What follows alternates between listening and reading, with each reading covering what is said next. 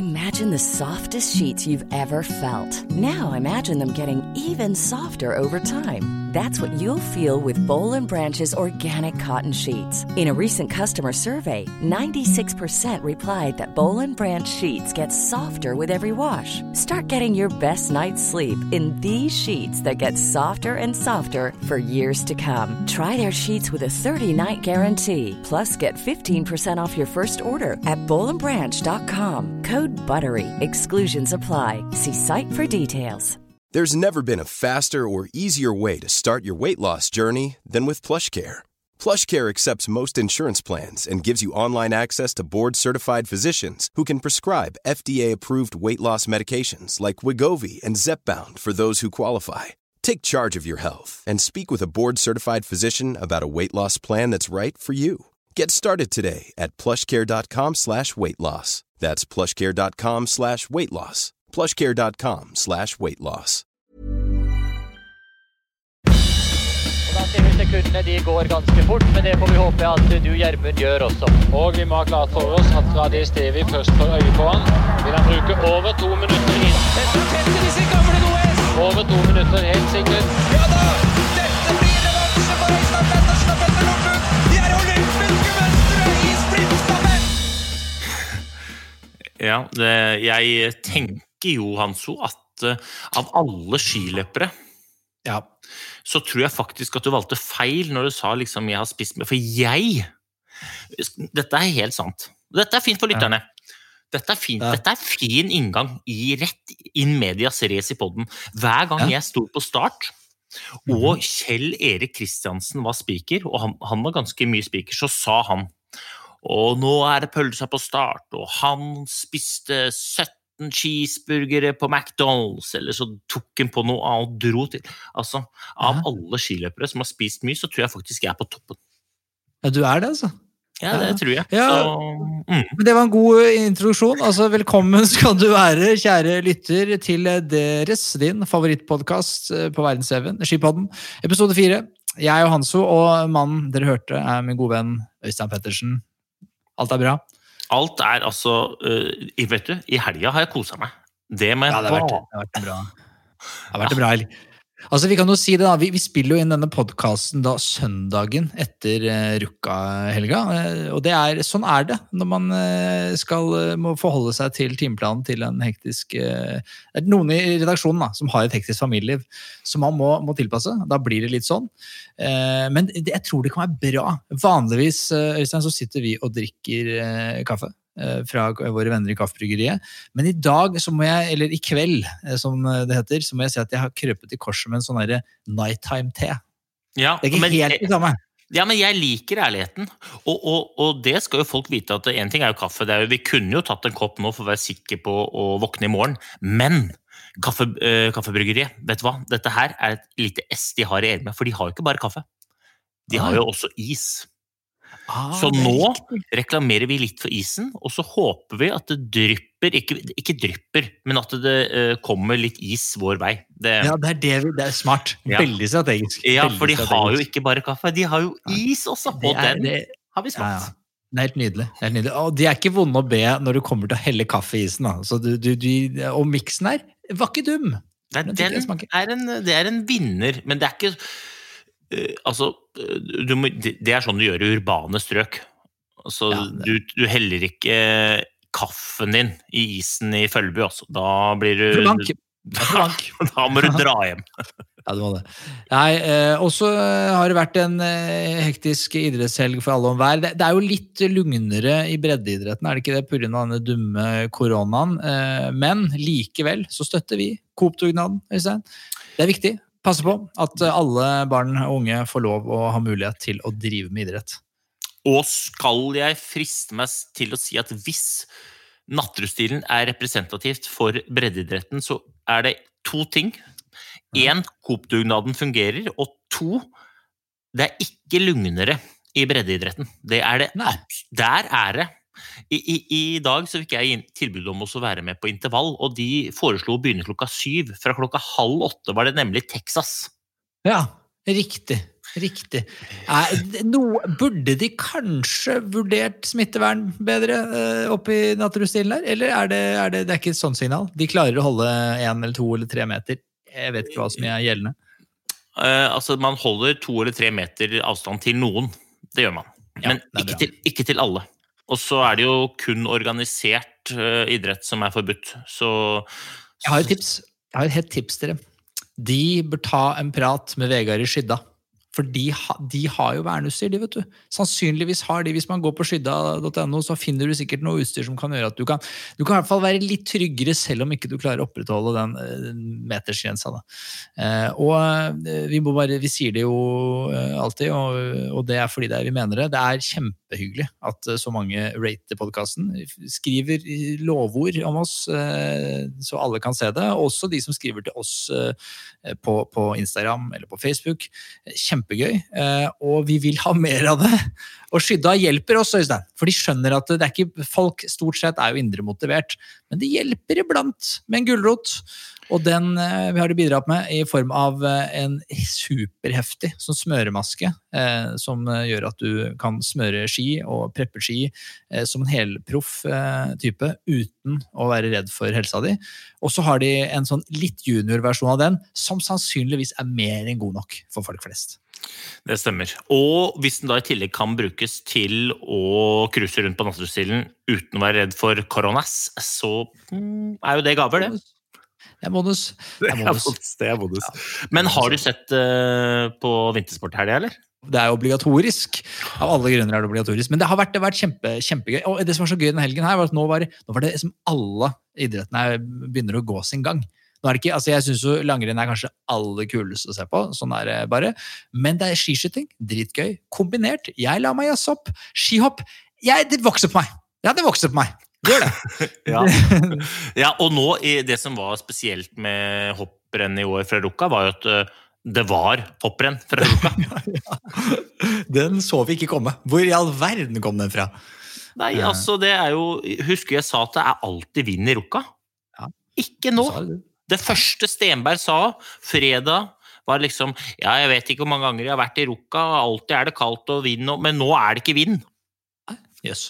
Du jinxa Ru- Rukka, du. Du gjorde det. Nei, det var grått.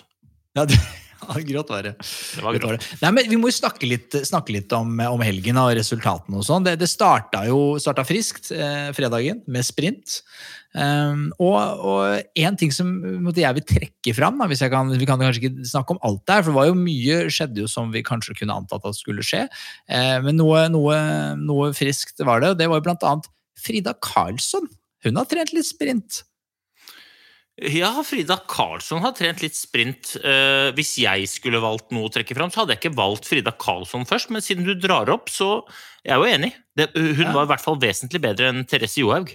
Det var hun. Ja, ja og så så var, det, var det noen som skuffa litt, kanskje. eh, Og der er det liksom, jeg, vet, jeg har ikke helt liksom eh, skjønt hva det er som foregår, men Heidi Weng.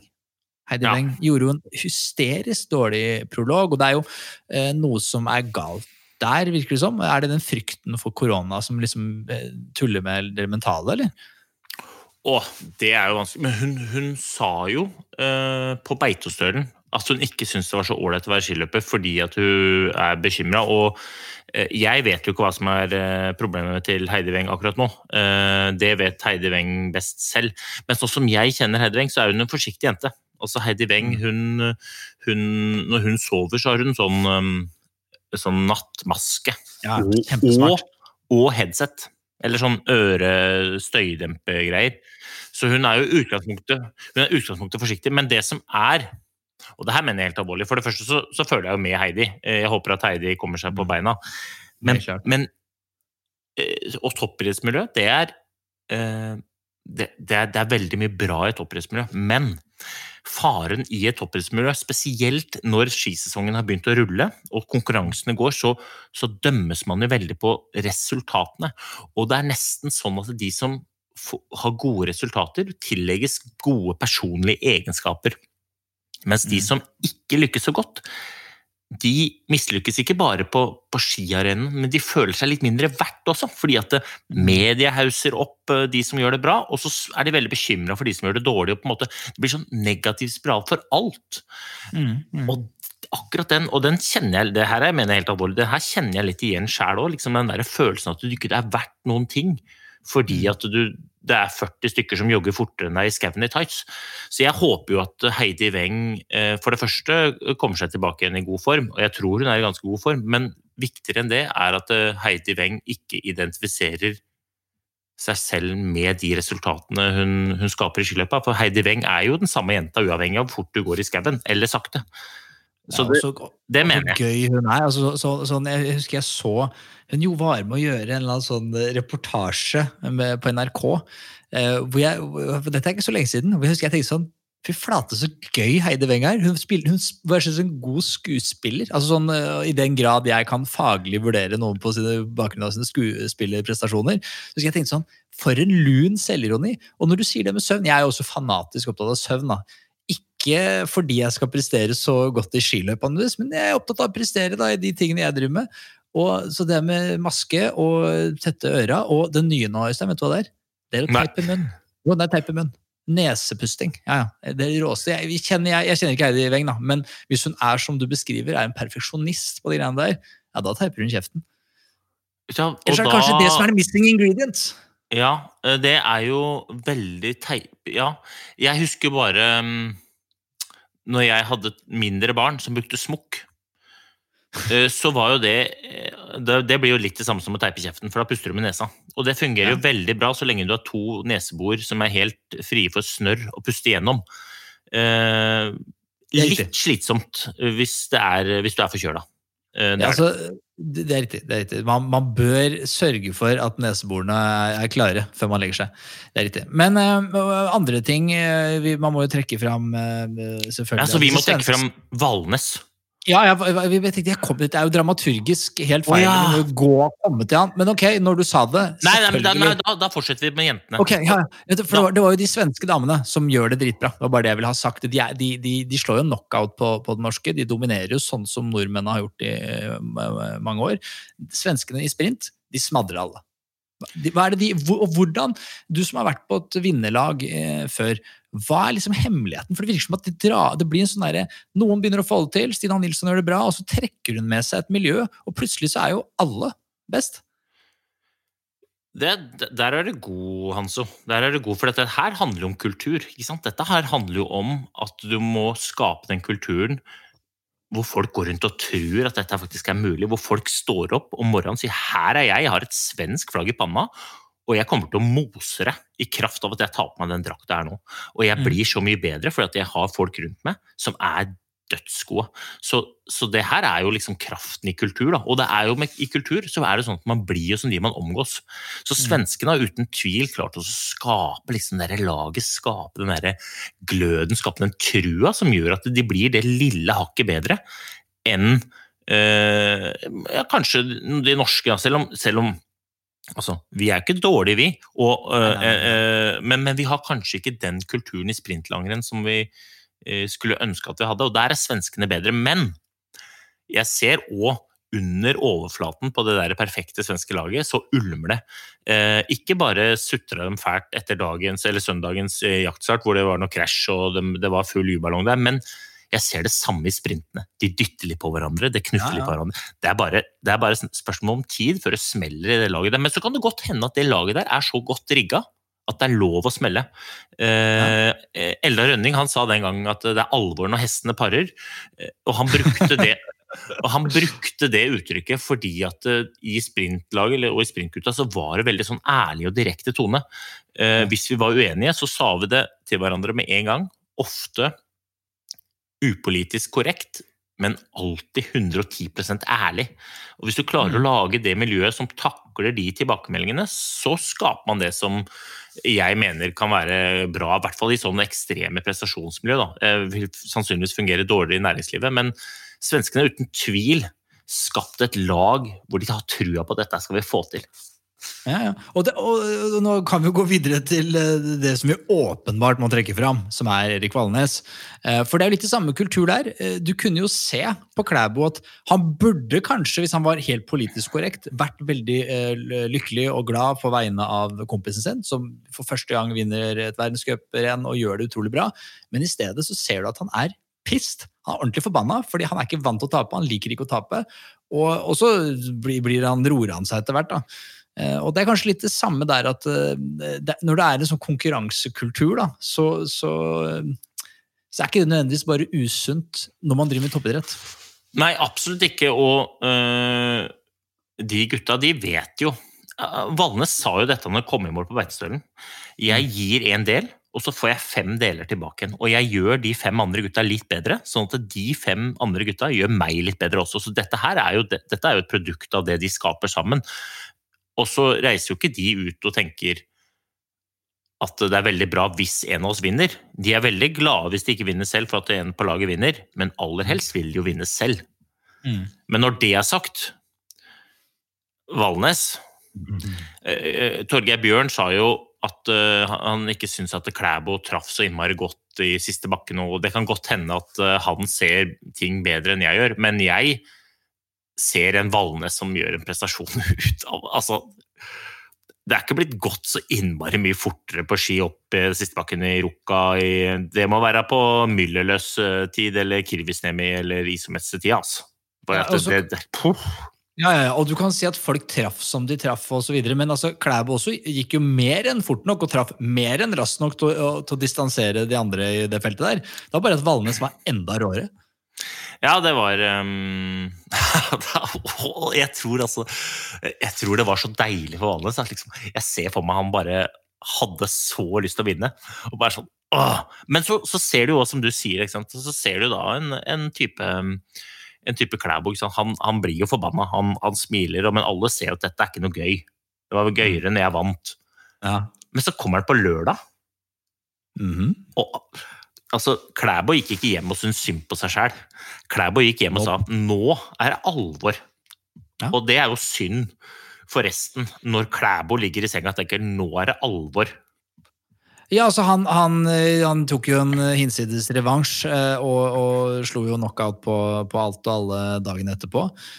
Og det er jo også liksom Har han Og det sier man jo alltid når Klæbo Det er jo ikke første gangen han går så bra på distanserenn i Ruka, spesielt 15 klassisk, er jo noe han behersker veldig godt. Og da sier man alltid er, er han nå blitt liksom helt komplett? Er- kan han nå tukte liksom Bolsjunov og, og de liksom aller største O2-snapperne også i distanselangrenn? Hva, er, liksom, er, er, han, er det liksom 15 klassisk, det, der er han god, men han har fortsatt litt igjen? Eller tror du at liksom han har tatt et steg? Altså, jeg er ikke kvalifisert nok til å svare på det spørsmålet, så det må nesten noen kyndigere enn meg eller Klæbo svare på sjøl. Men det jeg ser på TV, det er jo en gutt på 24 som går sinnssykt fort på ski, og så tror jeg han kan bli enda bedre. Fordi han er bare 24. Eh, Så jeg tenker jo at han kan bli enda bedre. Eh, Men jeg syns jo òg det Vi hadde jo uh, Iversen. Altså, Ja. Iversen blir, nummer, han blir rolig rundt nummer 50 på Beito. Han var ikke, han var ikke halvgæren i det, han heller. Nei, han var ikke halvgæren. nei. Han var, hvilken plass var han kom på på lørdagen her? Han var jo helt oppe der, var han ikke det? Var, han kom akkurat ut av pallen, ja. Det var riktig, da. De- ble det en fem, da? Fem eller seks? Nei, fire, fire. Jeg tror han, eh, han slo uh, Niskanen eh, om, om femteplassen. Så han hadde bare de to russerne foran seg, vet du. Ja. For der var jo han Skjervotkin er jo plutselig våkna på klassisk. Han, kunne, han hadde ikke klassisk ski han før, men nå har han jo både fått seg klassisk ski og lært seg å gå på dem. For det der gikk jo unna på lørdagen. Ja, det, han, Det hadde, han hadde sikkert han hadde fått, fått tak i noe sånn kombiski han nå i år. Litt, litt sånn rolig, sånne gode, gamle kombiski. Noen fellegreier. Han måtte ikke noe felleski, han. Han bare kobla på. Dura ja, gjennom. ja, det, men, men Men, på, ja. la du merke til Mussy, eller? Eller egentlig, Og- egentlig nå, nå skal vi Nei, jeg vil ikke si Mussy. La du merke til Storbritannia, sier jeg. Jeg må dra Ja. med Andrew Young. Altså, gutta boys, altså.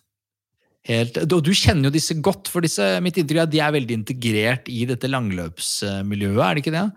Er både begge De to? ikke Ja, langløpsmiljøet. Mer langrennsmiljø. Altså Musgrave er jo Musgrave må vi få på poden, for det er jo en fyr som er eh, tvers igjennom trivelig og jovial.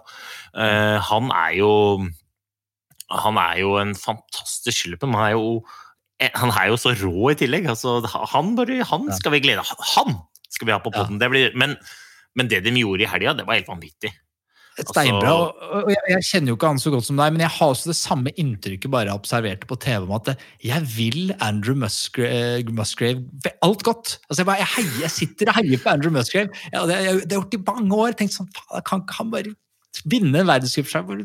Eh, Jeg unner han det. Og, og Andrew Young også. Men kanskje av en eller annen grunn enda det kneppet mer på Andrew Musgrave. Han har liksom alltid vært der. Alltid nesten. Og så er han alltid så jævlig blid. Musgrave er blid. Det er for så vidt Andrew Young også, men Musgrave og Young det er to helt forskjellige typer. da. Eh, Men, men det Young gjør også, altså hva ble han i dag? 13-14 eller sammenlagt? Hang på Holund. eh, Jeg tror han var topp 10 jeg sa, på- i dagens skøyteetappe. Altså, fyren er eh, to meter høy og 90 kilo. 14 Dunker av gårde. Ja, det er jo eh, Han slår mange gode norske løpere. Ja, ja, ja. Nei, det er veldig bra. På damene på klassisken så, så er det jo dette her som vi har blitt fått spådd. da, ikke sant? Hvordan står Johaug seg mot de svenske damene? Eh, og vi fikk vel ganske greit svar på tiltale, selv om de nærmer seg. De nærmer seg jo, nærmere enn noen gang. De Så- nærmer seg. Uh, og nå var det vel nå var det jo mer de jentene selv, Frida og Ebba, som uttalte seg. Nå, Linn Svan var mest opptatt av å være sur. Uh, I hvert fall i, i hvert fall i dag. Har, det, det, jeg skal ikke, jeg skal ikke snakke vondt om hun har et litt sånn litt furtete oppsyn. Er det bare jeg som synes det? Så selv når hun i utgangspunktet skulle vært glad og fornøyd, hun står på start i sprinten og har vunnet prologen, allikevel litt sutrete. Litt sånn, Er det- eh. Er det litt som, eh, som meg og Sarinen? At vi ser slitne ut selv når vi ikke er det? Det er mulig er det sånn at, hun, at grunnfjeset hennes er litt sutrete. Men, men jeg, Linn Svana håper vi får inn på poden. Fordi hun Maken til toppfart! Altså, hun går jo på ski som få andre. Uh, og, jeg- og jeg synes det er kjempegøy at det er, litt, at det er kommet en ung uh, sånn svensk dame med litt albuer. og er ikke, Hun er ikke redd for å si ifra, hun. Hun har ikke, går ikke rundt og tropper på strømpelestene rundt Johaug og store gudinne Johaug. Hun tør å si sånn Faderen jeg tror mine lagvenninner kan ta deg år. jeg». Og det er bra. Jeg liker det skal være litt sånn. Det er jo, som jeg i hvert fall mener, da. Langrenn er jo underholdning. Det er jo det det først og fremst er. Eh, og, og, og det her øker jo bare underholdningsnivået. Det er jeg helt enig i. Og så er det jo også det at én en ting er at hun kaster litt sånn uh, skyts mot uh, vår ledestjerne, men hun gjør det jo òg mot sine egne internt. Altså, det, det var hun som liksom begynte å sprenge disse bombene etter, etter dagens løp. Og det er ikke sånn at det kommer snikende, og hvem var det som lekker det forsiktig til media. Nei, hun går direkte til Aftonbladet og bare sier 'Ebba Andersson ødela for meg', og der er hun. Ta. Ja. Så det er greit. Den er grei. Nei, men Ja. eh, også eh, siste på den eh, ti klassisk, og, og, og som jeg er imponert å komme ut av ingen steder, det er en dame med navn Tatjana Sorina. Det er en, en russer vi ikke, jeg får ikke har tenkt på så mange ganger. det sånn. Ja, var, hun hadde aldri tatt verdenscuppoeng, tror jeg. Jeg, ikke vet jeg. Nei, og Men, det er jo eh, lett å tenke sånn da at um, ny russer, aldri hørt om, plutselig veldig god. Ja. Eh, og jeg tenker jo litt sånn selv, men samtidig så skal vi jo huske det at hvis liksom Gunnulfsen hadde dukka opp i Ruka, og det kan jo godt hende at han hadde vært på pallen nå, så da hadde nok russerne tenkt hm, ny Ja. nordmann, ok, jeg har aldri hørt om det før, det var bra. Så eh, vi får bare satse på at uh, Tatjana har brukt uh, sommeren og høsten fornuftig, og det, det er jo mye som tyder på det. Eh, Ryktet sier jo at hun ble mor så sent som altså, jeg vet ikke, veldig, veldig kort tid siden så ble hun mor. Så jeg tror forrige sesongen i fjor, da tror jeg ikke hun eh, gikk. Og dette har jeg tenkt på Nå skal vi trekke fram en gammel referanse. En gammel god en. Katarina Neumanova. Husker du henne? Hun var jo drita god, eller ganske god. Og så var hun borte fordi hun fikk barn. Kommer tilbake og er rågod. Og jeg mener, husker jeg, det skjedde med Bente Skari òg. Gjorde ikke hun comeback etter første barn? Bjørgen. Og, det, og dette, her, dette er langt utenfor det jeg har noe som helst peiling på. Men eh, mitt inntil, eller det jeg har hørt, jeg føler jeg har hørt et rykte om det, det er at eh, no, noen forskere tror at det ikke nødvendigvis bare er negativt det der, eh, for kvinner når de får barn, at det kan booste prestasjon. eh, Sånn O2-messig. Dette kjenner jeg vi må ha noen som, noen som kan dette. Som kan. Ja, det her er jeg på syltynn is. Ja, jeg datt ut av lag, husker jeg, etter at jeg ble pappa, men det er kanskje ikke det samme Tror ikke det er det samme menn. Tror ikke det er det samme menn. Tror det er noen fysiologiske eh, effekter her som blir forskjellig. Eh, Det er noe med når man har gjort jobben med barn. Menns bidrag til eh, et liv er jo ti minutter av noe vi stort sett tenker på døgnet rundt. Så det må man bare erkjenne. Der bidrar vi ikke stort. Der spiller du meg god. Ti minutter, ja. Hørte dere det, folkens? Ok, ok. Ja, og så må vi jo bare oppsummere da, til slutt, da, lista til slutt. Eh, I dag, eh, søndag altså, som vi spiller inn dette, så eh, fikk vi jo svaret da, på hvem som vant uh, Ruka-trippelen. Det var jo ingen overraskelse. Det var Johaug som tok det uh, på kvinnesiden. Og så ble det jo spennende, eller det var mer spennende i hvert fall, på herresiden. Det minte jo veldig om det som foregikk i fjor. Da bare bytta du ut Niskan med Bolsjunov. Eh, og så vinner Klæbo da, i, i spurten. Eh, synd at vår mann Iversen ikke Han hadde jo sagt på forhånd til oss i i podden at han skulle liksom være først i den bakken. Skulle, uansett hva skulle han ikke la seg komme bak. Men Klæbo er så god i den utforkjøringa der. Jeg vet ikke hva han gjør. For, her igjen må jeg spørre deg, når, når du ser disse, de tre kara der, så tenker jeg sånn Klæbo han ser ut som han glir dårligst. Han er lettest i kroppen, ser det ut som. Men han gjør ikke det. Han glir jo best. Og hvordan, hvordan er det mulig? Eh, Nei, det er jo er et vanskelig spørsmål, men det, er- da snakker vi jo fort eh, ski, skiegenskaper, skiteknikk. Altså, Klæbo har jo fantastiske svinger, ikke sant? så det er jo, ja. Og så tenker jeg at, eh, for jeg også tenkte jo at nå kommer Iversen til å være først, men kanskje Klæbo hører på skipodden? Eh, Det er mulig. Ja, ja, ja, ja, ja, det kan jo være. Eh, Så, men altså, jeg, jeg tror ikke Iversen er misfornøyd. Og uh, Det er bør han ikke være. på. Nei, og hadde denne podden bare handla om Ruka, så skulle vi dratt fram mye annet. Vi skulle dratt fram, vi skulle dratt fram HC sitt løp i dag. Uh, Vi skulle Oi. dratt fram Ane sin prolog. Spesielt Hun vant prologen med fire sekunder. Vi skulle dratt fram Taubert. Vi skulle tatt fram Skar, som kommer inn som reserve, blir nummer 11 totalt. Eh, altså, det er så mange gode prestasjoner. Anne Kjerste Kalvå, eh, Mm. fredag-lørdag, fantastiske renn. Eh, Søstrene Udnes Weng. Altså, det er så mange gode prestasjoner som vi skulle tatt opp, men vi, vi får dessverre ikke tatt opp alt. Nei, vi må videre. Jeg, jeg er helt enig med deg. Men det var gøy, var det. Gøy var det læl. Eh, så Også, ja, jeg må bare si én ting til! Vi har jo, vi har jo glemt at det holdt ikke på å bli noe. Altså, det holdt på. Det er riktig! Det er riktig! Og Det jeg- Jeg tenkte først at det var vi som hadde smitta Gunnulfsen med korona. Det hadde vært pinlig. Det hadde vært pinlig.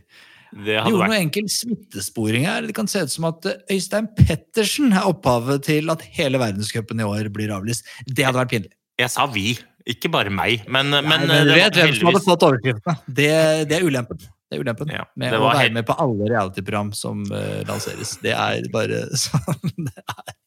Ja, den, den tar jeg, den er fortjent. Jeg er jo med på Maskorama også, Ja. så det er ikke lov til å si. Skulle du ikke si? Skulle du ikke sagt. Oh, fuck. Nei, ok, men, men eh, bra helg har det vært. eh, og en annen grunn til at jeg dette har vært en gøy helg, det er at den debatten som vi starta sist uke, Øystein, den har fått bein å gå på. Folk lar seg engasjere. Eh, og nå har man jo eh, faktisk sett nå i Ruka, jeg tenkte faktisk på at det, jeg det var flere nasjoner oppe der enn det har vært i tidligere årene. Jeg synes liksom Det var ikke bare Norge og Sverige og Russland på Så har britene Men allikevel så er det litt det, det, Jeg tror fortsatt vi trenger en liten revamp av hele dette systemet og hele organiseringen. For det er jo fortsatt sånn at det sitter utrolig mange talentfulle norske utøvere som burde ha gått der og hadde preget listene, men som ikke får muligheten til å gå fordi at Norge bare har x antall plasser. Um, ja. Ja, jeg er jo helt enig med deg, og en ting er jo det du sier med uh, Jeg tror vi er litt sånn farga nå av at én, vi hadde den debatten, men to, vi har òg så sultefòra. Så bare at det kommer noen andre enn Norge, er, er bra, da. Men det er klart, vi har russere. De er gode. Britene er gode. Svenskene ser det ikke. Eh, William Poroma, kjemperenn. 19 år, altså kjempebra. Men det er, hvor er bredden i Sverige? Italia ingenting. Eh, vi har sterke Frankrike. Hvor er Frankrike? Jeg vet ikke. Det er. Sprint i fristil, der dukker de opp. Ja, Alt annet snakkes, Og, og, og snakkes liksom, jo, skal, dette, er jo, dette er jo en hyllest til Storbritannia, men det er ingen Jeg, jeg tror ikke på en sånn kjempebølge av uh, britiske skiløpere fordi at Mussy gjør det bra. Vi, vi trenger jo enda bredere skisport. Og i hvert fall blant de store landene. Og nå er det bare de store landene. Det er Norge og Russland. Og så Mm. har vi Sverige, som eh, er fantastiske på damesida, men som forhåpentligvis klarer å skape drive på guttesida. Men vi trenger de store, tunge, tradisjonelle skinasjonene i tillegg. Vi kan jo selvfølgelig åpne for dop, da vil Østerrike komme tilbake i dansen. Eh, Men jeg tenker allikevel det fins bedre løsninger på å få med, få med folk fra, fra Tyskland-land. Jeg er enig. Jeg er helt enig. Ja. Og, da, og da er det jo da så gøy. Du sa jo 'putt meg i rom med Altså, sett meg i et rom med Vegard Ulvang. Hæ? Jeg, jeg, jeg sa det, og, og Øystein, det skal du ha. Du ringte, du, til Vegard Ulvang, og så sa du, Vegard, du, vi har denne debatten. Eh, og han hadde hørt på Skipodden, så jeg forsto det, eh, og så sa han at, vet du hva, dette her eh, vil jeg være med å prate om. Dette er en viktig sak, jeg er med å prate, jeg. Og i morgen tidlig, altså nå er det da søndag kveld, så vi må bare, altså jeg må bare sove en utrolig god natt, jeg, for i morgen eh, grytidlig, eller relativt tidlig, da. Eh, Vegard er jo tidlig oppe, skal trene, skal i møter, han er en viktig, viktig mann. Han har satt av tid i sin eh, busy schedule til å snakke med oss, og jeg gleder meg helt sinnssykt. Altså for, og det er, det er ikke, altså jeg syns det er veldig stas å få snakke med alle disse store profilene som har gjort det kjempebra, eller gjør det kjempebra i sporet, men det er noe ekstra med Vegard Ulvang. Altså han er liksom han og Bjørn Dæhlie, men altså de, de to de har liksom en sånn Når jeg var liten pjokk, da, så var det de som styrte showet. Så, så jeg merker at jeg har litt sånn ærefrykt. Ja, altså, jeg eh, Jeg hadde plakat av Vegard Ulvang. Fra et blad som heter Skisport. Plakat av Vegard Ulvang som går altså klassisk med SAS Bråtens merke i panna. Vegard Ulvang. Altså, det er ikke en fyr som driver med øh, sokker og ullundertøy på meg. Altså, det er altså Jeg er så fan av Vegard Ullvang. Og jeg gleder meg sånn til i morgen, for jeg er så spent på å høre jeg, altså, jeg er oppriktig spent på å høre hans tanker. Og han, øh, han øh, har hørt på den, Mm. og han, han sier ingen spørsmål er for dumme. Det er bra. Det er veldig bra for meg. Og jeg er overbevist om at selv om han ofte får pepper i media for ditt og datt, så er jeg overbevist om at han har akkurat det samme ønsket som å skape den der gode Lillehammer-OL-stemninga hver eneste gang. Ja, det tror jeg. Og, og, og vi som, hvis man kjenner historien litt da, til Vegard Ulvang, så vet man jo at han eh, det er jo ikke sånn at han er fremmed for å innovere i idretten. Altså, da han var aktiv selv, så var jo han, sto han på barrikaden, han. Og det er kanskje det som også gjør at jeg beundrer hans veldig. At det er få folk som har gitt så mye av seg selv til langrennssporten som Vegard Ulvang. Altså, Først var han jo aktiv utøver, og, og gjorde jo det på det absolutt høyeste nivået, som eh, omtrent noen har gjort noen gang. Og så var han jo som aktiv utøver ekstremt engasjert eh, og mente og meldte hardt. Og så engasjerte han seg jo i, FIS i etterkant. da, Nå har han gjort det i veldig mange år. Og han har jo stått bak nyvinninger som Tour de Ski. Det er jo og det er jo en kjempeinnovasjon for langrennssporten. Ja, det var jeg jo tydelig på sist, da. jeg vil ikke ta noe bort fra han for noe av det. men så min eh, oppgave tenker jeg, må, må bli å tørre og tørre, og selv om jeg har litt ærefrykt, jeg beundrer jo Vegard Ulvang, han er en legende, så må man tørre å sette han litt til veggs da, og prøve å, å, å få en debatt der. Og vi vet jo ikke, det kan være han er fullstendig enig med oss, de fleste som har ha sendt inn og sånn, har vært veldig enige. Jeg håper jo at vi kan møte noen som har et helt annet syn på dette. Jeg er åpen for at eh, jeg tar feil, men uh, da skal du argumentere godt. Vi kjører praten med Vegard Ulvang nå. Gjør det. Snakkes i morgen. Oi. Da har vi fått eh, et enormt storfint eh, besøk her i Skipodden. Eh, Han har gitt mer til langrennssporten, tror jeg. I hvert fall, i hvert fall jeg har gjort, og deg, Øystein. Han er olympisk han er verdensmester. Han var- et idol av meg da jeg var liten pjokk og vokste opp. Da var han the shit. Ta godt imot selveste Vegard Ulvang. Takk for det. Takk for det. Ja, altså, det er ikke, for, jeg må bare starte, Hanso. Hva slags forhold har du til Vegard Ulvang? altså, eh, på, jeg, jeg vokste jo opp, jeg var jo pjokk på 90-tallet, da. Og da var jo altså Langrenn var jo absolutt det største man kunne drive med i, i Norge. Og da var det et par eh, stykker som herja vilt, og det var jo da blant annet Vegard Ulvang. Eh, og så ikke, ikke, nok med det, så fort de var ferdig i sporet, så var det jo gutta på tur, da. Som var liksom, det var, man måtte jo ha med seg gutta på tur eh, når det gikk. Eh, så eh, og så var jo TV det var jo der man var, og TV var liksom, det var ikke noe Facebook og Instagram. Så man hadde liksom de TV-øyeblikkene. så var det, ikke, det var ikke så mange helter, men de heltene som var, de var store. De var store, ja.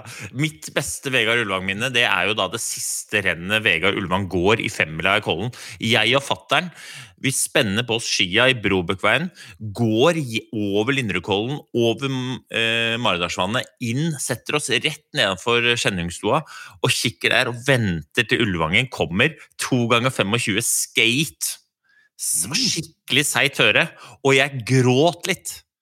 Og det her er ikke tull engang. Jeg gråt litt når vi gikk hjem, for han var så trist at den skulle gi seg. Jeg ville ikke at den skulle gi seg. Men jeg skjønner jo det nå, ikke sant? når jeg er i samme situasjon. Man må gi seg. Kan ikke holde på så hele tida. Takk. Det, det, var hyggelig å høre. Det var veldig hyggelig å høre. Um, at det har satt spor til meg, at det gjorde inntrykk. Uh, den femmila var for, for, øvrig ikke noe særlig mye å skryte av. Nei, og, men, men, det var litt sånn, det var litt fint, det òg. Det, det, er fint at ikke man øh, Du la ikke lista så høyt for hvordan man skulle avslutte. Det var deilig. Det er, jo, det, var, det er vel det jeg føler jeg har fulgt opp best. Ja. Og så er, men Det er veldig, veldig stas da, å ha deg her, Vegard. Det var jo som du, Jeg vet ikke om du fikk hørt det på forrige episode, men vi, vi satte jo i gang her mer eller mindre frivillig en, en debatt om, om organiseringen i langrennssporten. Eh, og der, hvis du hørte på forrige episode, så, så, vet du at der har vi, både jeg og Øystein, har ganske sterke meninger da, om at eh, kanskje eh, tiden for å gjøre en litt sånn solid endring i langrennssporten eh, er kommet. Eh, og så har i hvert fall jeg noen konkrete ideer om hva jeg mener eh, burde gjøres. fikk du hørt på forrige episode, eller? Der hadde vi litt tekniske problemer, men vi er tilbake igjen, Vegard. Hvor, hvor, er det du er hen, siden du er på, på hytta, ser det ut som? Jeg sitter på hytta på Beitostølen, ja. Så um, veldig flott, det. Jeg er liksom sånn skrudd sammen at når det nærmer seg vinter og første søndag advent, så skal det være vinter ute. Så da må vi oppsøke den. Og når verden er på, er på, nett, så kan jeg like godt være her som å være et annet sted. Så, så. Ja. Kose meg her. Gå på ski. Ja, det er helt rått. For Når vi snakker om å være på nett, så, så, skjønner vi at du er en mann som en opptatt mann. Du har eh, funnet en liten lomme til eh, oss eh, i kalenderen. Og, og det du er opptatt med, sånn jeg forstår det, er først og fremst nå å være vet ikke jeg eksakt tittelen, men du er jo da executive, altså du er sjefen i FIS, er du ikke det? Altså Hvis man skal kalle en spade for en spade. Executive var veldig Det var et ord som ikke jeg har hørt før. Men, men jeg, er, nei, jeg, er, jeg er leder av langrennskomiteen i FIS. Um, og det er bra du spør, for det kan godt å klargjøre det. det. det. er da et politisk verv. Um, jeg er altså foreslått av Norge um, i 2006. og valgt, er på valg hvert andre år. Velges av styret i FIS til å og Det er der man fatter de viktigste beslutningene når det gjelder langrenn. Dvs. Si, i hovedsak terminlista, vi skal, hvor vi skal konkurrere, og konkurranseregler. Så eh, min rolle der er jo i prinsippet å lede to møter i året. Ett i, i, mai og ett i, i oktober. Um, og da fatter vi de viktigste beslutningene som gjelder langrenn. Mm. Vil du si det er, takknemlig, at det er en takknemlig jobb, eller vil du si at det, er, du stort sett er uh, hodet for høgst? Det spørs på hvem du ser. Du er, jeg har nok jo skjønt at jeg er ikke den som følger med på sånne sosiale medier. så jeg for så vidt jeg, jeg tåler godt å få en støyt og kjeft, og det er bra, for det, det skal være diskusjon, det skal være debatt. Eh, men, eh, men, det er jo eh, altså internasjonal politikk, tror jeg, enten det er idrett eller hva det nå er, er vanskelig. Fordi vi er så forskjellige, og alle har sine interesser og sine ønsker. Så, så min jobb i, i den komiteen hvis vi skal snakke om det, er jo da å få folk til å bli enige og finne kompromisser. Det er jo av og til veldig spennende og morsomt hvis du kommer til, men så er det jo ikke så hver gang du får det akkurat som du vil, da. Det må man jo si. Men, eh, men eh, det å jobbe med langrenn og stelle med langrenn, er jo som dere sa selv forrige gang, det er der dere har hjertet deres, det er der jeg har mitt hjerte. Og um, jeg bruker jo mye av tida mi på det her, men, men, det er som sagt ikke noe jobb. Det er et politisk verv, og det, det er ubetalt. Uh, og jeg bruker fritida mi på, det. Så, men syns det er det mest givende og flotteste jeg kan gjøre. Men, men Vegard, i de, i de, prosessene og de jobbene, vil da din mening ha noe å si? Eller må du bare fremme de forslagene som kommer, og at du har ikke på en måte noe annen, annen agenda enn å få folk til å bli enige, uavhengig av hva du mener selv?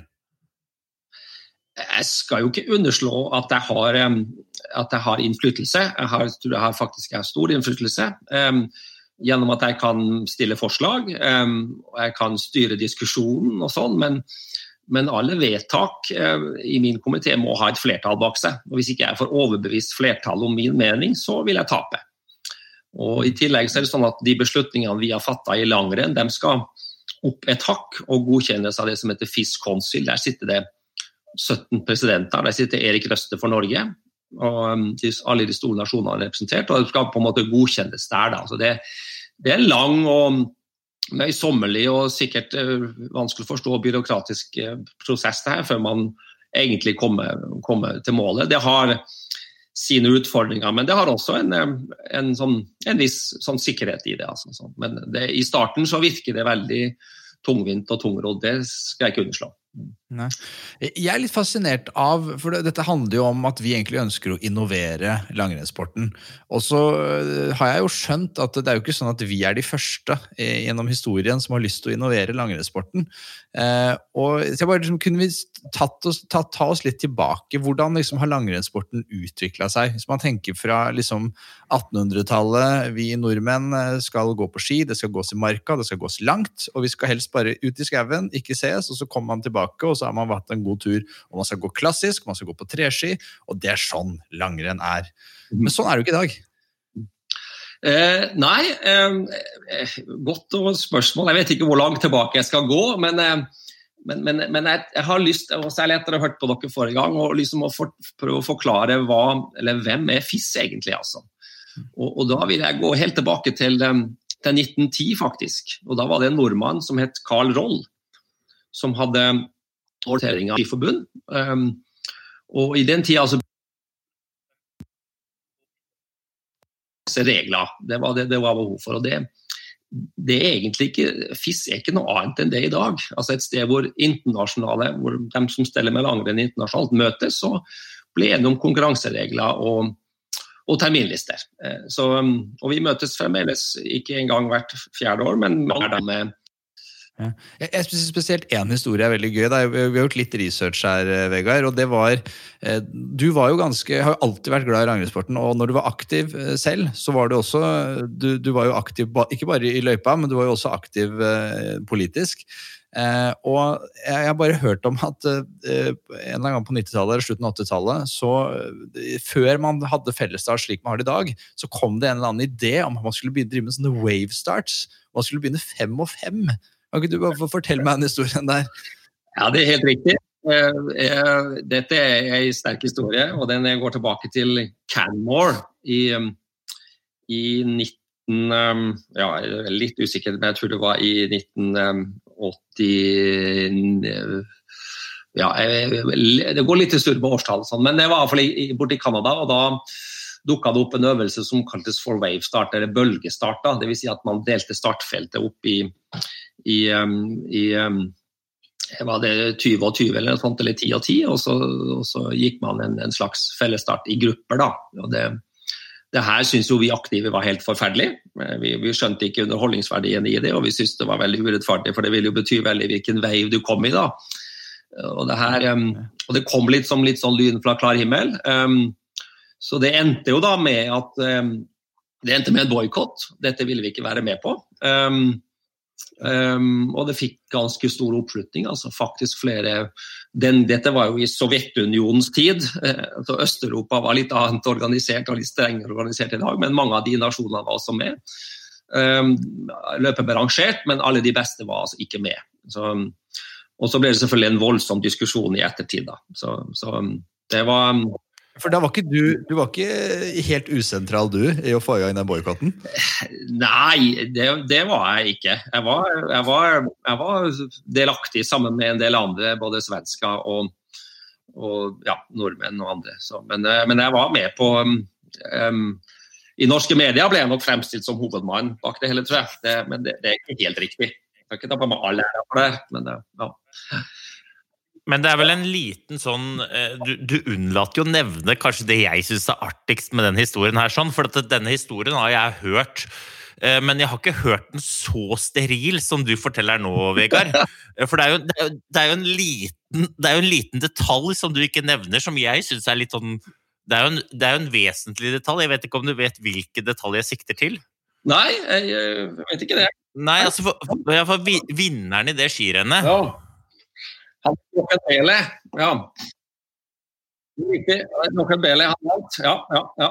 Han var ikke populær i norske laget etterpå, han var ikke det. Men han, eh, han vant løpet, ja. Og han eh, skyldte på forholdet til sponsorer og at han ikke hadde han, han beklaga fælt at han måtte gå, da, men han gikk nå. Men det er klart det blir ikke veldig publisert. Å være streikebryter er ikke noe positivt ord, verken i arbeidslivet eller i skisporten. det. Så, ja. Nei. Nei, men uh, altså Jeg Jeg syns jo at historien er artig uh, i seg selv, også når man krydrer med at Jochen Behle står sammen med streikerne på barrikadene, men sammen med de som skal gå rennet dagen etter. Så jeg, jeg, jeg ser humoren i det nå, uh, 30 år senere. Ja. Nei, så, men sånn så vi, man skjønner da, så har jo da eh, langrennssporten vært involvert mange ganger. Og det gøye er jo at du har jo vært ganske sentral samtlige ganger. Eh, jeg har jo hørt om denne famøse saunaturen der dere pønska ut uh, Tour de Ski. Eh, og som også er jo en, en, nyvinning, og som må sies å være en kjempesuksess for langrennssporten. Så du har jo ikke vært du har jo ikke vært helt usentral når det skal innoveres. Og nå så håper jo vi da at uh, nok en gang skal Vegard Ulvang stå i senter av begivenhetene når langrennssporten på ny skal innoveres, med kanskje litt hjelp fra oss. Så det er det vi liksom må, må, komme til bunns i her. Og som du sikkert skjønte da episoden sist, så, så i hvert fall det jeg mener, det er at uh, det å liksom putte noe sprint på papir og gjøre den form for innovasjon, det er vel og bra. Men det fungerer på en måte beviselig ikke. da. Så jeg tror nå at tiden er moden for at man må tenke helt nytt. Og jeg tror da at løsningen er å gå bort fra det at det er nasjon mot nasjon, men at vi må åpne for private lag eh, for å få sving på sakene. Og da er jo spørsmålet, hva, hva tenker du om det, Vegard? Er det noe jeg overser her? Umiddelbart så vil jeg si at det er en lang vei å gå, fordi den strir mot hele måten FIS er organisert på. FIS er eid av nasjoner. Sånn, så, men vi kan gjerne diskutere det her. Um, um, jeg skjønte jo på dere snakka sammen sist at dere er opptatt av at flere nordmenn skal stille på start. Skjønte jeg det riktig? det, At det vil du løse med et sånt spørsmål? Hvis, hvis, hvis vi gikk for, for, for, for, representerte eh, sponsorer eller selskap, så vil flere nordmenn komme på start. Eh, skjønte jeg det riktig da? Ja, altså, ikke, jeg føler det, det blir en upresis uh, måte å si det på. Altså, jeg, i hvert fall jeg mener at de beste bør til enhver tid være representert i den øverste divisjonen. Uh, det er kanskje bedre som en mer presis måte å si det på. Så om de er norske eller svenske eller polske, det er uvesentlig for meg. Men jeg vil at når jeg ser på verdenscup, så vil jeg vite at det er de beste som konkurrerer. Uh, og, og, jeg opplever at Det ser man bare med hvordan Gunnulfsen gjør det på Beitostølen at det er jo ikke de beste som går verdenscup nødvendigvis. Det er de beste fra hver nasjon. Ja, det er riktig. Og det er jo et um, for så vidt et gyllent prinsipp i all idrett at nasjonene tar ut um, løpere og, og, som representerer nasjonen sin, og de tar av fortrinnsvis ut de beste. Um, eh, hvis det ikke skulle vært sånn, så, så um, Eh, ja, så tror jeg vi i langrenn nå hadde vært veldig mye russere og veldig mye nordmenn på start. Og, og da er vi tilbake til det som kanskje er, er forutsetninga for all altså Langrenn på dette nivået er underholdning. og Underholdning må vises, og det er TV som er vårt medium. og Det er der vi på en måte skaper verdiene. Det er der, der inntektsstrømmen kommer fra, ved å være synlig på TV og for et stort publikum. Og et, eh, en internasjonal TV-sending med russere og nordmenn på start, i hovedsak, eh, ville nok eh, ikke vært så attraktivt å, å, å selge, tror jeg, på, til mange andre nasjoner enn Russland og Norge, f.eks. Det var nå bare et, et, eksempel, men ja. Men, men, Vegard, hvis, for jeg er jo helt enig med deg, og jeg tror jo også, som du sier, at hvis vi hadde organisert det gjennom, gjennom team, så hadde det på kort sikt vært mer russere og flere nordmenn på start, uten tvil. Men hvis disse nordmennene og disse russerne kunne representert uh, lag med internasjonale Eh, sponsorer fra om det er Tyskland, Italia, Frankrike, Polen, så kunne man jo, tenker jeg, da, fått spredt den norske kulturen og den norske kompetansen, den russiske kompetansen, og kanskje økt den lokale rekrutteringa i de landene. At uh, da tyskere ser at det er mulig å, å få trent sammen med en Sindre Bjørnstad Skar, en eh, Holund eller en Krüger eller en Heidi Weng, eller, og at det på, måte, på så måte kanskje favner flere, selv om det er nordmenn eller russere som går på laget i første omgang. Uh, for sånn som det er nå, så uh, Tyskerne var jo representert i, i Ruka, men jeg tror verken tyske folk eller eh, de tyske løperne går mann av huset sånn som det er nå. For de plasserer seg jo godt ned på noen sider av resultatlisten som verken sponsorene eller folket bryr seg om. Nei, altså her er det jo ved, ved nøkkelen til, til, til, hva skal vi si, min kjepphest. Det er jo at det som er det sikreste for langrennssportens fremtid, det er at vi får fargerike seierspaller. Altså vi får flere gode løpere i, i, så mange land som mulig. Og da, Du nevnte Tyskland, selvfølgelig en sentral nasjon, men Mellom-Europa. og Nå er vi inne i en, en en, en svak mellomeuropeisk periode. Ingen tvil om det. Etter, særlig etter at vant jo verdenscupen fire år på rad på, på, på 2000-tallet, med Sommerfelt og Agder. Um, um, uh, mens uh, ja, Hvis du ser verdenssituasjonen, så er Mellom-Europa svak, mens USA og Amerika kanskje er sterkere enn en, en noen gang. Så, um, og hva er de er jo omfattende. Og og det tilbudet er mye mindre i dag enn hva det var. Eh, eh, og jeg tror ikke det er Iallfall, men nå er jeg jo på Jeg er ingen sponsorselger, men, men, vi ser jo at det å finne sponsorer til disse Eller at, sponsorer identifiserer seg med gode løpere og med stjerner og helter. og, og dette er en sånn evig runddans. De må skapes, og så kommer de. og og det er ikke noe, jeg tror ikke det er enkelt jobb å finne selskap i, i la oss si Tyskland så, til å finansiere et, et lag med f.eks. 90 nordmenn. Eh, det, det er iallfall én motforestilling mot uh, forslaget deres.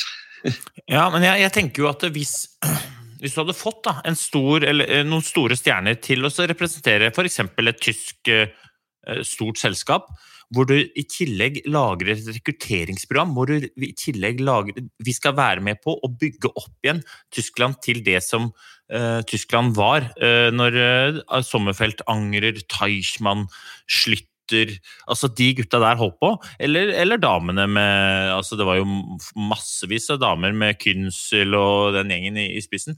og, og, og også eh, rett og slett skape et større trøkk mot det tyske markedet gjennom å bruke seg av om det er norske eller om det er noen andre stjerner. Det spiller for så vidt ikke så stor rolle, men også skape entusiasmen gjennom å bygge opp noe fra bånn av. Og gjerne ta med Teichmann angrer og den på, på eiersida og på trenersida, men skape ny giv. Da, så tenker jeg at eh, For jeg er jo helt enig med deg at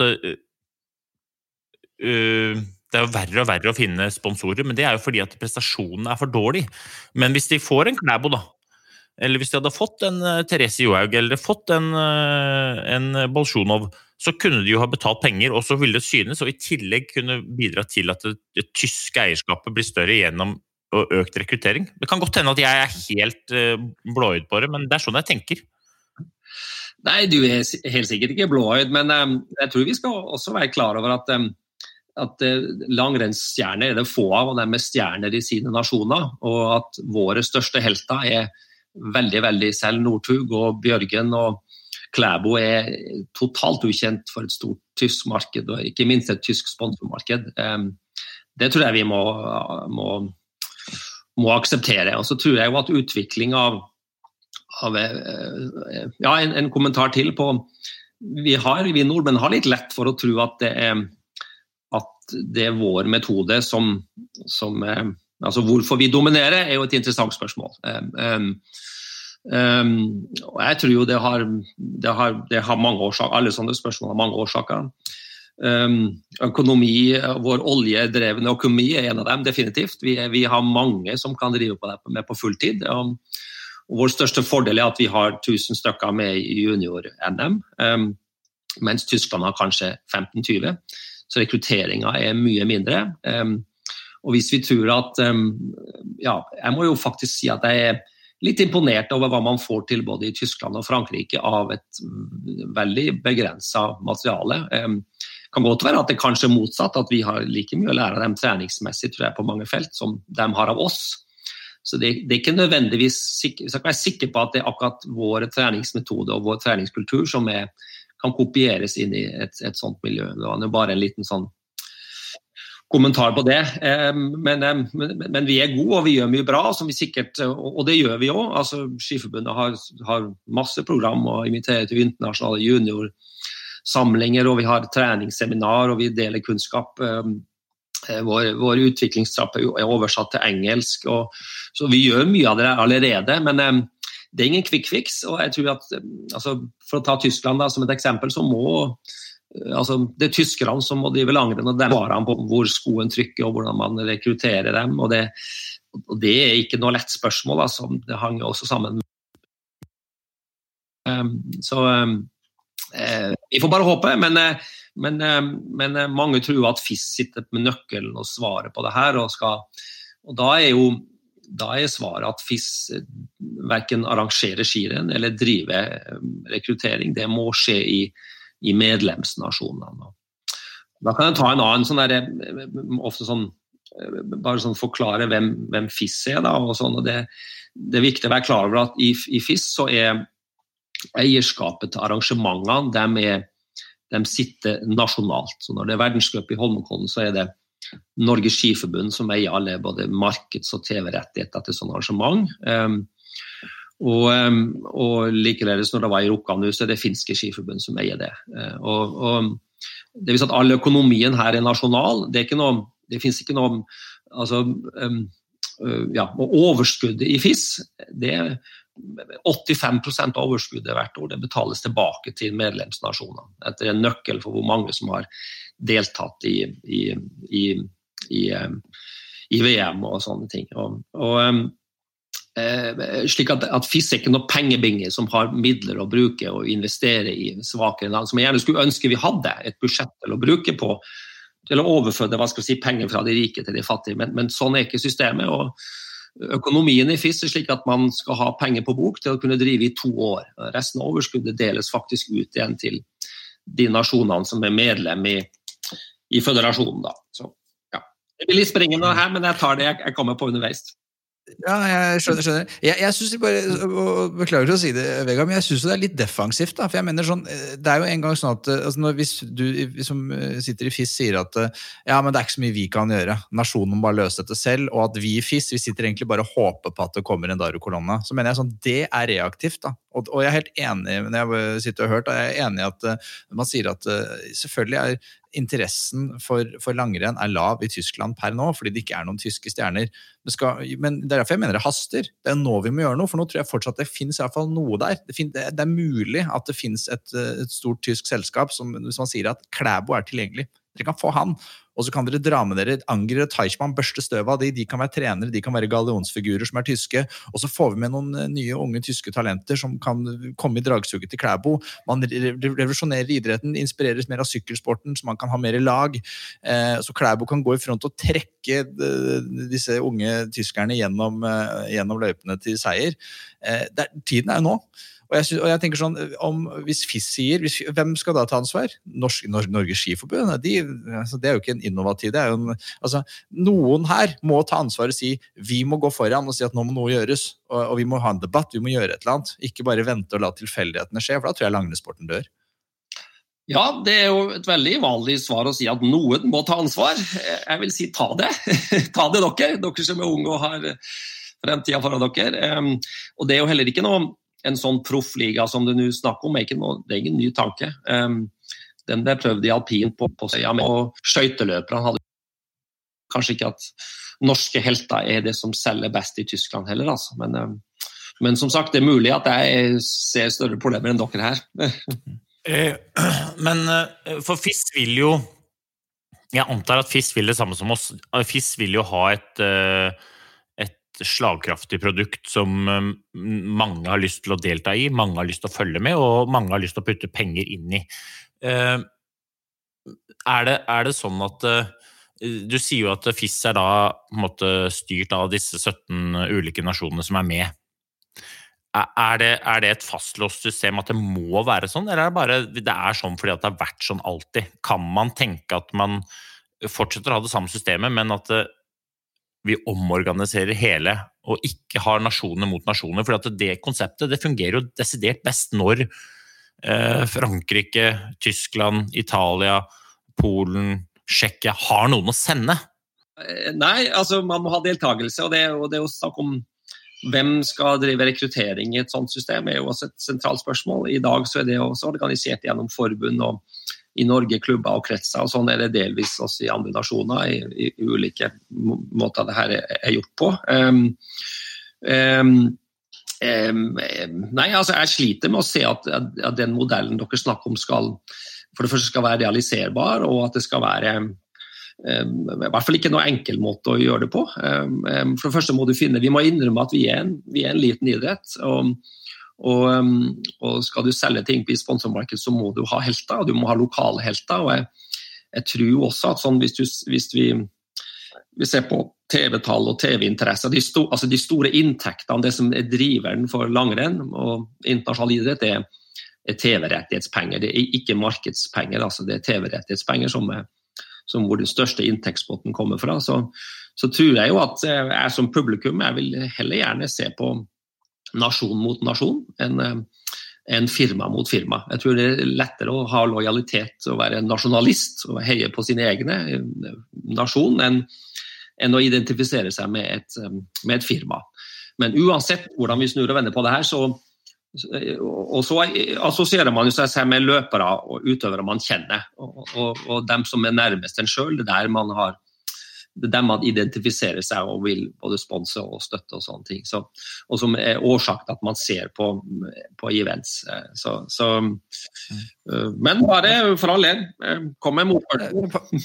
Ja, et par, par, kommentarer. Et, privat lag behøver jo ikke å være et firma. Bare for å nevne et eksempel. da. Liverpool, Liverpool FC. Eh, de har en gigantisk stjerne som heter Mohammed Salah. Han kommer fra Egypt. Når Mohammed Salah fosser inn mål eh, i Premier League, så jubler en hel by i England og de er kjempelojale. Ikke bare i England. Det sitter jeg ikke hva det er, 100 200 000 nordmenn i Liverpool-drakter som de har kjøpt for sine hard earned money, og jubler når egypteren Salah står eh, sammen med briten Henderson og, og, og løfter trofeet.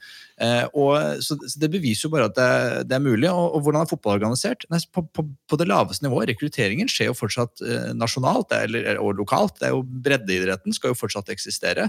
Eh, og, og, til, til, dette med om landslagsmodellen eller om det, det, er død, så mener jeg jo selvfølgelig ikke. Altså, og bare tenk dere, altså tenk deg hvor spennende det blir i VM og OL når, når Norge omsider, det norske laget, samles på treningsleir, akkurat som på landslaget. Og det er masse spenning! Vi vet jo ikke Klæbo og I Iversen og, og Weng og, og de, de, har jo ikke gått sammen gjennom hele året. Når, når Norge har vunnet, når, når Johaug og, og Weng og co. har slått alle sammen på stafett uh, i de fire foregående stafettene den sesongen, så er det jo mindre spennende. Vi vet hvilke nasjoner som kommer til å gjøre det bra også i VM og OL. Men når, vi, når de har gått på hver sine lag rundt om på kontinentet, og ikke har gått med på andre stafettlag ellers i sesongen, så blir det jo kjempespenning i VM og OL.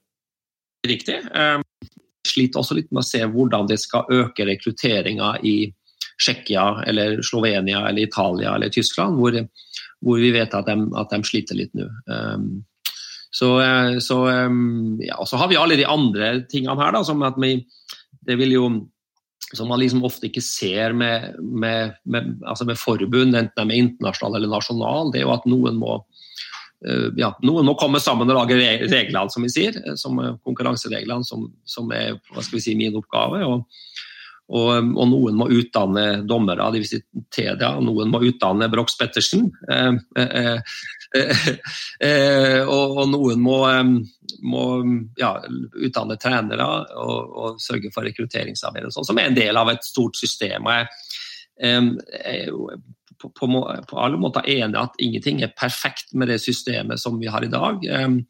Um, det kan gjøres mye bedre. og Jeg var jo også veldig i opposisjon. Det er så mye som ikke fungerte når jeg gikk direkte fra å være aktiv til å bli idrettsleder og sånn. Men jeg bestemte meg vel for å, å, prøve å gjøre noe med det systemet vi har, og jobbe med det innenfra. Og hvis jeg skal komme en oppfordring til dere, så er det jo å engasjere dere i det, i det systemet vi har, og prøve å gjøre noe med det.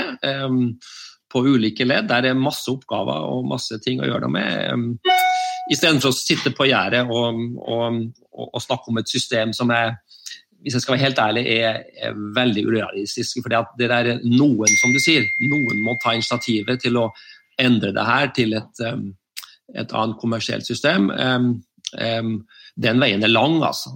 Men, men det, det, er fremdeles altså, Det er ingen, ingen lov som nekter folk. Som sagt, det var noen som tok initiativet til en en proffliga på skøyter en gang, og det var også vært i alpint og sånn, så, så det, det, er mulig. Eh, og jeg har hørt om en, en russer som privatfinansierer svømming på en litt annen måte, som er interessant, og sånn, men, men noen må gjøre det. Eh, og, og det, det noen tror jeg må komme utenfra det systemet vi har i dag. fordi eh, Iallfall er mitt valg å prøve å gjøre noe med det systemet vi har innenfra, og gjøre det bedre. Og det er veldig mye som er uenig, bl.a. rettighetsstrukturen, som jeg mener som i dag umuliggjør å flytte penger. Vi har et system i dag som gjør de rike nasjonene rikere og de fattigere fattigere. Og Det prøver jeg å gjøre noe med, men det er heller ingen, det å få til internasjonale vedtak hvor alle skal bli enige, er en lang vei å gå. Så ja, det var igjen litt rann, ja, det er veldig interessant. Da. Og kanskje, kanskje, løsningen jeg bare tenke høyt, er kanskje du er inne på det der du sier at um, langrenn alene er kanskje ikke stort nok per i dag uh, til å kunne uh, privatiseres, da, i mangel av bedre ord. Men jeg bare så det er nevnt, altså, betyr ikke det at alle lagene må hete Team Coca-Cola. De kan, uh, hete Team Praha eller Team Du kan bygge identitet da, på en annen måte enn, enn gjennom et firma. Uh, men kanskje løsningen er at man må koble sammen alpint, uh, skøyter, hopp eh, kombinert, og, og lage egne, uh, egne, lag på den måten. Og, og, en annen ting man kan gjøre, er som jeg vet at e-sport, som er en, en, sport som har kommet i, i, i, veldig ny sport, de har jo kobla seg på fotball. ikke sant? Borussia Dortmund har et e-sportlag. Liverpool, Manchester City har et e-sportlag. Så de har kobla seg innunder paraplyen til et allerede sterkt brand som har stor økonomi. Eh, og, så, og, har en identitet. da. Og så bare er de et eget idrettslag. Og det kunne man gjort i, i, i, Norge også. Og jeg antar i alle andre land. Ja, altså vi er jo alle enige om at jo mer penger vi får inn, jo, jo bedre er det. Og, og, men um, jeg tror jo vi må erkjenne som du sier, at vi er en liten idrett. Eh, i, ikke i Norge, i Norge er vi kjempesvære. Eh, og vi, vi, og vi har en markedsverdi, og vi har stjerner, og vi er salgbare, og vi har et TV som gjerne vil vise oss. og sånn, men situasjonen er veldig annerledes nedover i Europa. Eh, så, så eh, men, eh, men, for all del altså hvis, det, ja, hvis dere tror det er selskapet finansieres mange sånne lag mm. Men um, hvis du Er, er du bekymra for langrennssporten? Hvis, hvis, vi sier vi bare Hanso Pølsa glem den ideen, men vi kjører videre. Og vi utvikler systemet innenfra, og det er greit. Men er, er du bekymra for langrennssporten uh, og dens eksistens? Nei, altså den ryktet om vår død det er betydelig overdrevet. Hvis du ser på de lange linjene fra la oss gå tilbake til 1924 til i dag, så vil du se at de som har dominert eh, resultatlistene i OL og VM, det er nordmenn, finner, svensker og russere. Mm. og det er en og annen koldholfull eh, Franco Nones og en eh, Jean-Paul Pierrat og litt sånn forskjellige krydder innimellom, men stort sett så er det, er det her vår idrett, og det, det, må vi vel forvente at det blir. Eh, jeg prøvde meg på en liten analyse innledningsvis her. med altså Situasjonen nå er jo, er jo Norge er veldig sterk for tida. Um, Svenske damene er på full fart opp. Eh, finnene har ligget nede etter um, til en totalfall på nesten 40 i, i våre TV-tall. Veldig synlig, og som, og som, igjen det tyske sponsormarkedet registrerer sterkt. Um, så, Så jeg, ja, jeg er bekymra for Mellom-Europa. og Jeg kan ikke se noe quick fix heller. En del av bildet her er jo at vi, vi er så mange.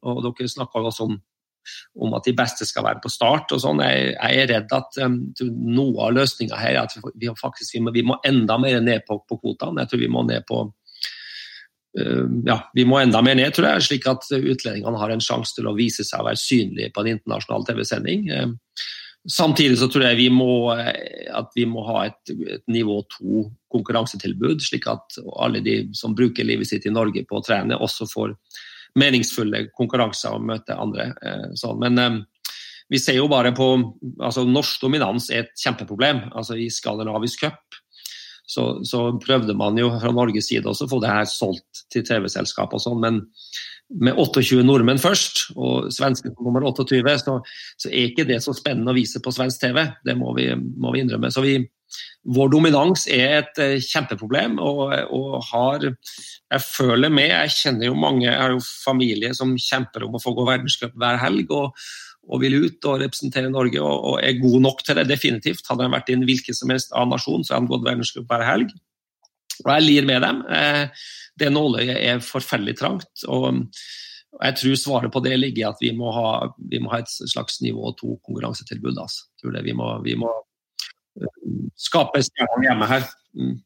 Du, jeg tenker sånn, fordi man kan, ja, nok, Du har nok helt rett i det. Som, som, økonom så er jeg enig med deg at jeg, hvis jeg hadde vært et tysk selskap, så hadde jeg nok vært forsiktig med å bare spa inn penger for å skulle ha Klæbo og Bolsjunov og, og, sånn på tysk lag. Men tenk, ok, Tyskland, til å begynne med så vil ikke Tyskland Det vil ikke nødvendigvis være så mange tyske lag, men du, vi må starte smått. da. Det vil være russisk lag, svenske lag, finske lag og norske lag. Si det. Men disse tysk, de tyske talentene, de få de, de franske talentene, de vil da komme inn i et miljø hvor de får eh, kjørt seg eh, bedre, testa seg, trent bedre, få bedre utstyr. Eh, og forhåpentligvis, da, og sannsynligvis, så vil de da være på et stafettlag til å begynne med som vinner. Fordi det, og det er ikke nødvendigvis de som er de bidragende effektene for at de, det laget vinner, men det de, de, de, drypper litt stjernestøv på de da, som gjør at de får den der, de får den der eh, sportssiden i Der Bilt, eller hva det heter for noe. Eh, og sakte, men sikkert så begynner det å bli en større interesse igjen i Tyskland. Og jeg mener, Det haster, da! Daru Cologna er begrensa hvor mange år han har igjen. Og når han gir seg, da tror jeg, da begynner vi Hva har vi igjen da? Du må huske, det, må huske det, Hans, at selv jeg har blitt dratt inn i seier i en stafett. altså. Så du trenger ikke noe så supermateriale for å føle deg som en vinner, så lenge du har gode kamerater. Det er bra, det, det er viktig. Nei, det er mulig at dette er, er fremtida. Um, men jeg, jeg, tror det er et stykke vei dit. Men dere får begynne å jobbe med saken. Um, ja. Um, ja jeg har ikke noe bedre oppfordring enn det. Vegard, dette her var kjempe, kjempegøy og kjempegod diskusjon. Jeg synes det var Spesielt gøy å liksom få lære mer om, om historien. Da, som jeg, jeg, har gjort litt researchen over til dette her, og at det, det, er jo ikke første gangen at det har kommet rappkjefta folk som mener at det må gjøres endringer. Eh, og det kommer neppe til å være siste gang heller. Og, og, jeg er jo helt enig med deg. Slutt å syte og fiks dritet sjæl. Det, er noe som, det er noe som heter det. Så det kan være det er det vi må gjøre, Øystein. at vi, Det håpet vårt om at vi nå skulle klare å sutre etter Vegard skulle han gå ut og fikse det som han har gjort mange ganger før. At kanskje han føler at nå har han fiksa nok, og nå er det på tide at vi stepper opp. Så vi får vel ta den pukken, og så må vi se om vi klarer å få den i mål. Hva, hvem er det vi bør snakke med, Vegard? Hvem er det som måtte, ja, Fins det noen ildsjeler der ute som kanskje er både evner og ønsker å, å hjelpe oss med å, å føre en sånn sak? Nei, altså hvis, skal, hvis, jeg skal være helt ærlig, hvis du skal ha det, innføre det systemet du har nå, som ikke er nasjonsrepresentert, men, men, eh, men, men ja, firma- eller sponsorrelatert, eh, så tør du på null. tror jeg. Du får innlemme det. Og nå får vel Trump litt bedre tid fra 20.1 også. Kanskje vi skal ringe Donald? Ja. Ok, Vegard, tusen hjertelig takk for at du tok deg tida til å være med. Vi håper at du kanskje har lyst til å være med en gang i fremtiden også på poden her. Vi, eh, vi, vil det samme. Vi digger ski, og dette var eh, rett og slett stort. Så du får hoppe videre og sitte i møter osv. Takk for tiden, så snakkes vi. Bare hyggelig.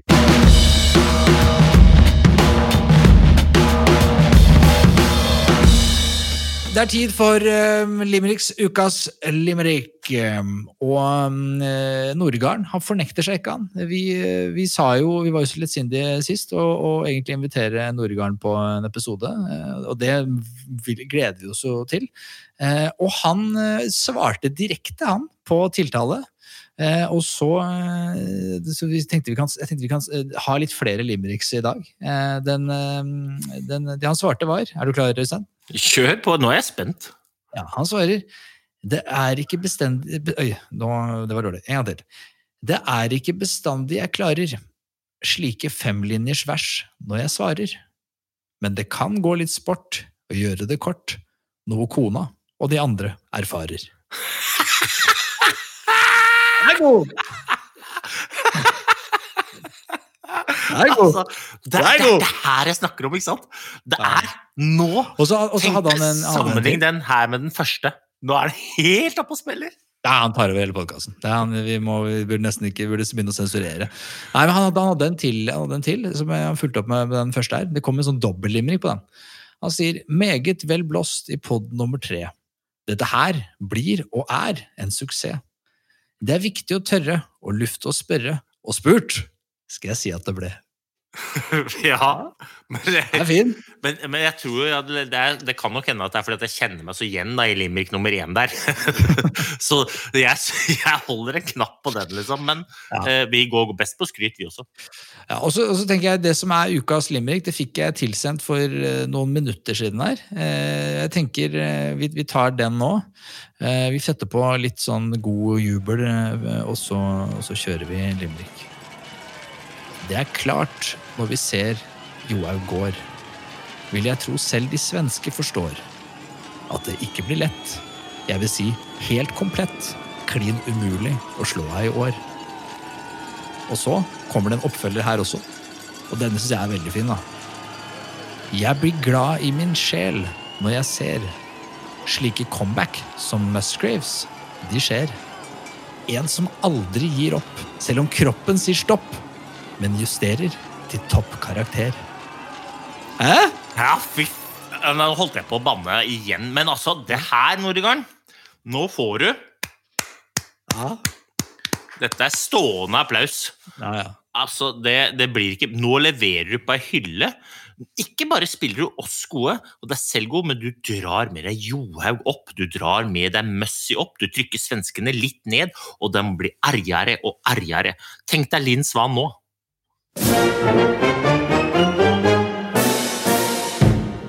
Det er jo så hyggelig, folkens. For dere sender meg eh, spørsmål og quizas på min Instagram, og det er veldig trivelig. Og dere sender òg noen på skibåten, det er òg veldig trivelig. Eh, og i Øysteins Corner så skal jeg svare på de tingene dere lurer på, og ingen spørsmål er for dumme her. Eh, og det kan handle om alt fra trening, teknikk, eh, utstyr, ernæring, eller hva som helst, bare det er noe jeg har greie på. Eh, hvis jeg ikke har greie på det, så må jeg stille, eller spørre noen andre. Og veldig mange har denne uka her stilt spørsmål om intervalltrening. Ah. Altså, folk lurer på hvordan de skal trene intervall. Ja, men Det har jo jeg spurt deg om òg, sånn off podkast. Så dette er jo noe jeg tror alle lurer på. Ja, og det er jo eh, Jeg må jo bare starte med å si at det er jo umulig å, å, å svare korrekt på det spørsmålet, fordi det, det kommer jo så innmari an på. Men jeg skal være både spesifikk, men også litt generell. Fordi at eh, alle sammen har hørt om intervall, prinsippet intervalltrening. Mm. Og veldig mange har hørt om enten fire ganger fire, som svenskene kaller for norske intervaller, eller så eh, hører man om intervaller gjennom hva liksom Emil Iversen og Skar og Hedda Østberg Amundsen gjør. Ikke sant? Det er jo, og de snakker om seks ganger åtte minutter, seks ganger ti minutter, lange intervaller. Men mannen i gata, mannen i gatas eh, store problem er to ting. Det ene er kapasitet, og det andre er fart. Mm. Vi må få kapasiteten opp, og vi må få opp farta vår. Så jeg slår jo et slag for å dele, ha mye kortere intervaller. Hold gjerne på litt, men del intervallene opp i kortere arbeidsperioder, sånn at dere får opp farta. Og da er det òg veldig mye lettere å treffe på farta, sånn at intervalløkta blir bra. For at hvis, du skal, hvis, hvis, jeg skulle, ja, så hvis jeg skulle sendt deg ut da, på en sånn typisk intervalløkt, nå skal du kjøre seks ganger seks minutter, så kan det godt hende at det hadde gått greit, men da tror jeg at du kunne bomma på intensiteten. Enten hadde det blitt for hardt i starten, eller altfor rolig. Jeg er jo fan av å trene mye kortere. Du kan godt trene fire ganger fire, eller fem ganger fem, eller eh, seks ganger seks minutter. Men del de minuttene eller de dragene opp i kortere arbeidspauser, så, eller arbeidsinnsatser. Så da for eksempel eh, Jeg sendte vel deg ut på fem ganger fem? Fem ganger fem eller fem ganger fire var det sendt meg på. Ja, Du har ikke så stor tiltro til meg. Nei, da vil, ok. Ja, men det er fint. Da har du fem, fem minutter ganger fire.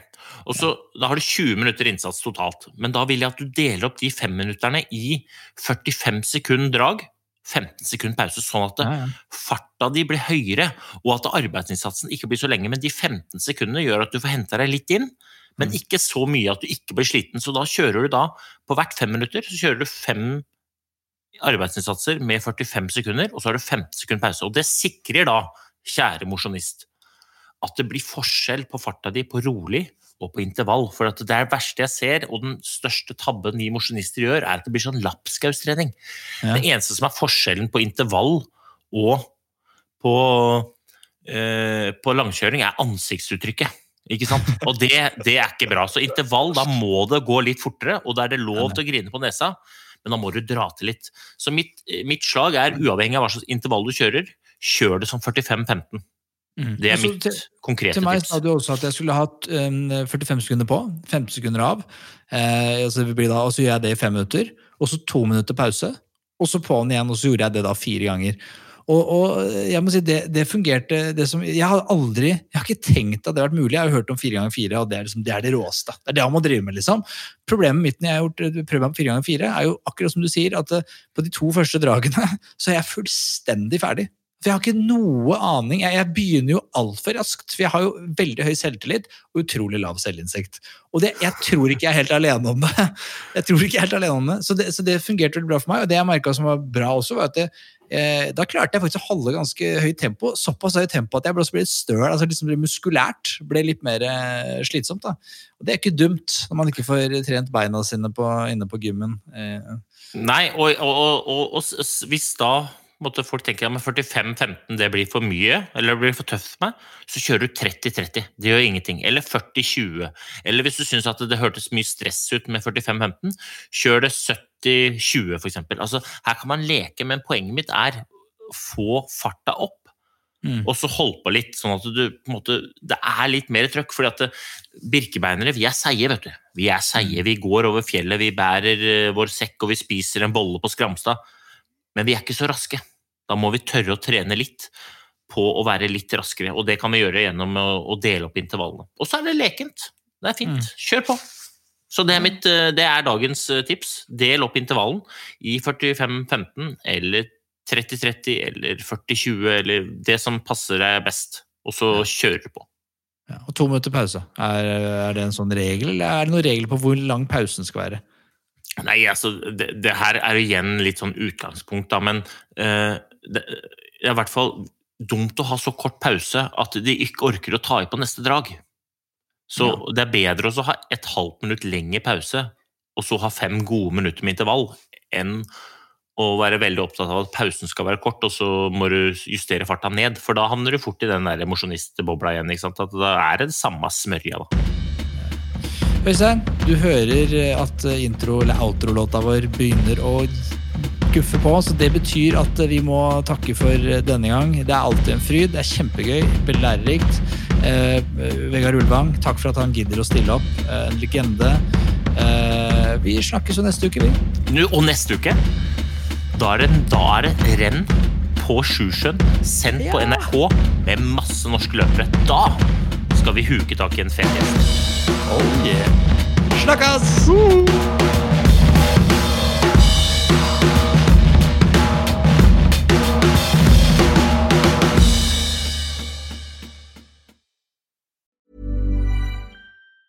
Hey, folks, I'm Mark Marin from the WTF Podcast, and this episode is brought to you by Kleenex Ultra Soft Tissues, your ally to help tackle your allergy symptoms this season. I love the change of seasons, but nobody loves pollen and all those other things floating in the air that make you sneeze during this nice weather. Kleenex Ultra Soft Tissues are hypoallergenic and allergist approved, so fight back against watery eyes and runny noses without worrying about irritating your skin. For this allergy season, grab Kleenex and face allergies head on. Imagine the softest sheets you've ever felt. Now imagine them getting even softer over time. That's what you'll feel with Bowl and Branch's organic cotton sheets. In a recent customer survey, 96% replied that Bowl and Branch sheets get softer with every wash. Start getting your best night's sleep in these sheets that get softer and softer for years to come. Try their sheets with a 30-night guarantee. Plus, get 15% off your first order at bowlandbranch.com. Code BUTTERY. Exclusions apply. See site for details.